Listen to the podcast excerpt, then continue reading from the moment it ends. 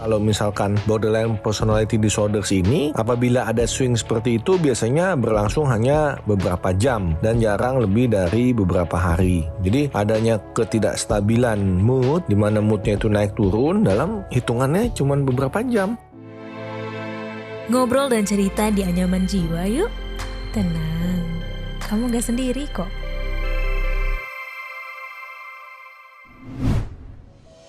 Halo, saya Dr. Dr. Darmawan Ardi SPKJ, psikiater dan founder Smart Mind Center Consulting. Seperti biasanya saya langsung bicara mengenai mental health di podcast Anyaman Jiwa, podcast yang berbicara mengenai kesehatan mental individu, mulai dari ranah pekerjaan, hubungan percintaan, dan juga sebagai makhluk sosial. Episode kali ini saya akan membahas apa sebenarnya borderline personality disorders yang sedang ngetrend dan bedanya dengan istilah mood swing. Sebelum mendengarkan obrolan kali ini, jangan lupa ya follow dan beri rating terbaik terbaikmu untuk podcast Anyaman Jiwa di Spotify serta nyalakan notifikasinya ya supaya kamu bisa terinfo setiap ada episode terbaru yang tayang di hari Rabu dan Jumat. Oh ya, kamu bisa membeli buku saya yaitu Pembaruan Logo Terapi Viktor Frankl, Pencarian Makna Hidup melalui interpretasi hermeneutika naratif restoratif di e-commerce. Jika kamu suka baca secara digital atau versi soft, bukunya bisa kamu beli di Play Store. Seseorang yang mengalami gangguan kepribadian memiliki cara pikir, cara pandang, serta perasaan yang berbeda dibandingkan dengan orang pada umumnya. Dan biasanya gangguan kepribadian ditandai dengan adanya ketidakfleksibelan dari cara pikir pandang dan berperasaan tersebut di dalam menanggapi lingkungannya. Kondisi ini kerap kali disertai dengan adanya perubahan mood dan mengambil langkah-langkah yang bisa jadi impulsif. Nah, apabila kondisi yang terkait dengan mood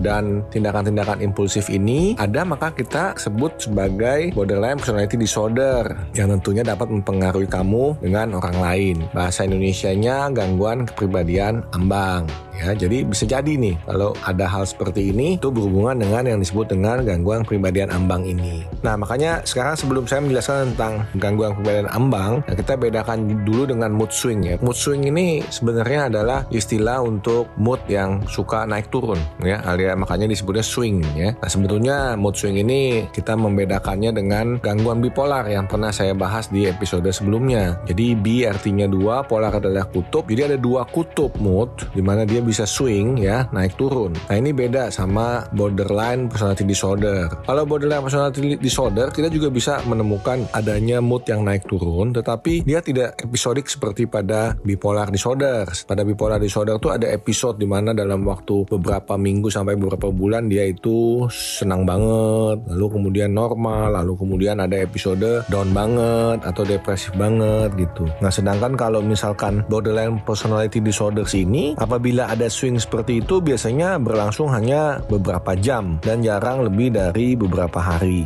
Jadi adanya ketidakstabilan mood di mana moodnya itu naik turun dalam hitungannya cuma beberapa jam ya nggak sampai lebih dari beberapa hari. Jadi nggak memenuhi episode seperti pada gangguan bipolar. Gejala yang paling umum muncul dari pengidap borderline personality disorder ini paling tidak ada empat di antaranya ya. Jadi seperti misalnya yang paling nyata adalah perasaan kekosongan yang kronis, ya rasanya hidupnya hampa yang kronis ya. Adanya impulsivitas, adanya mutilasi diri, adanya episode psikotik yang singkat ya. Kadang ada episode psikotik yang singkat. Jadi dia mengalami gejala kehilangan daya nilai realita. Nah kemudian juga bisa ada tambahannya di mana ada usaha bunuh diri, usaha bunuh diri. Jadi ini tambahannya. Jadi dia mencoba untuk bunuh diri walaupun dia tidak betul-betul sebetulnya ingin mati, tetapi ada usaha ke bunuh diri itu. Nah, makanya kalau misalkan kita lihat ya, kalau misalkan dari empat itu plus satu adalah usaha bunuh diri, kalau kita lihat satu-satu, sebetulnya yang paling sering itu nomor satu adalah perasaan kekosongan yang kronis atau hampa. Jadi pasiennya itu selalu merasa hidupnya itu betul-betul membosankan. Dia tidak memiliki rasa identitas diri yang konsisten. Kemudian lagi yang sering lagi adalah ketidakstabilan mood,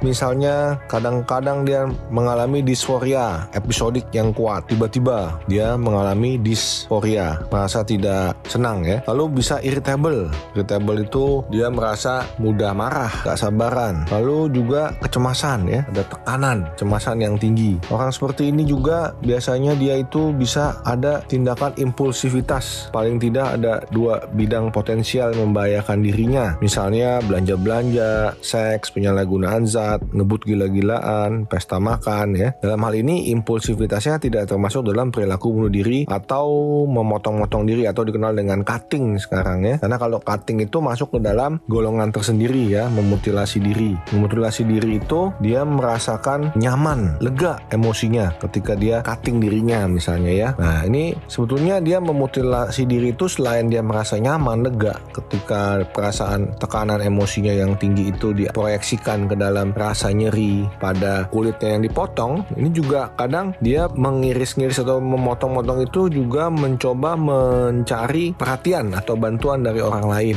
ya. Nah, jadi itulah di antaranya ya empat hal yang sering terjadi pada orang-orang yang mengalami borderline personality disorders. Nah, ini biasanya borderline personality disorders ini ditegakkan sebelum usia 40 tahun ya. Kalau misalkan dia ada gejala-gejala yang menyebabkan distress dan disabilitas karena dia punya kepribadian itu dengan ciri-ciri yang dialaminya sehingga mengganggu fungsi sosial dan relasi dengan sekitarnya juga. Nah, biasanya kalau sudah di atas 40 ya gejalanya sedikit lebih membaik, nggak senyata luapan emosinya ketika usia di bawah 40 tahun. Tapi bukan berarti setelah usia 40 tahun dia akan menjadi otomatis sembuh ya. Karena ini sudah menjadi bagian dari kepribadiannya. Ada orang yang mempunyai ciri kepribadian borderline. Kalau dia ciri aja belum menjadi gangguan, belum jadi disorders, yaitu belum merupakan sebuah gejala-gejala yang sangat nyata yang menyebabkan dia adanya distress dan disability di dalam kehidupannya. Tetapi pola-pola kepribadiannya yaitu tadi cara dia berpikir, bertindak, berperasaan, cara pandangnya itu memang seperti orang yang borderline, tetapi belum sampai memenuhi kriteria dia mengalami gangguan karena belum ada distress dan disability-nya. Dan mungkin masih cukup bisa fleksibel. Karena kalau gangguan kepribadian kan tadi dari awal sudah saya katakan adanya ketidakfleksibelan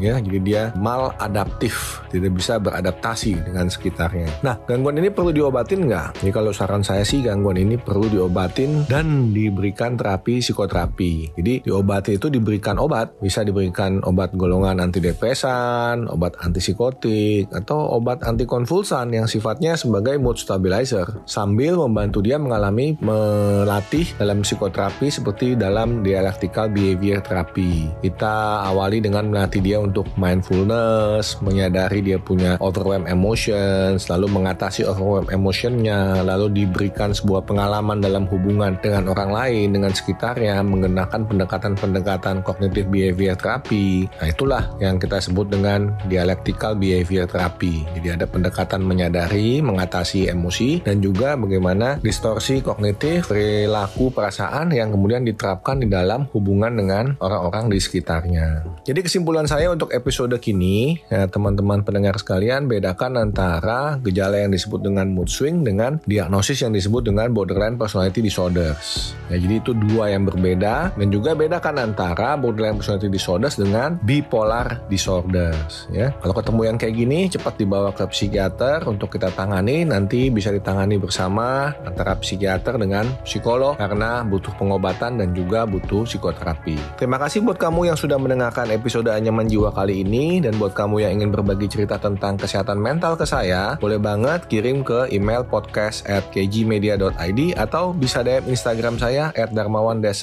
dan at medio by kg media. Selain itu, jika kamu mau konsultasi secara langsung, bisa kunjungi website www.konsultasipsikiater.com.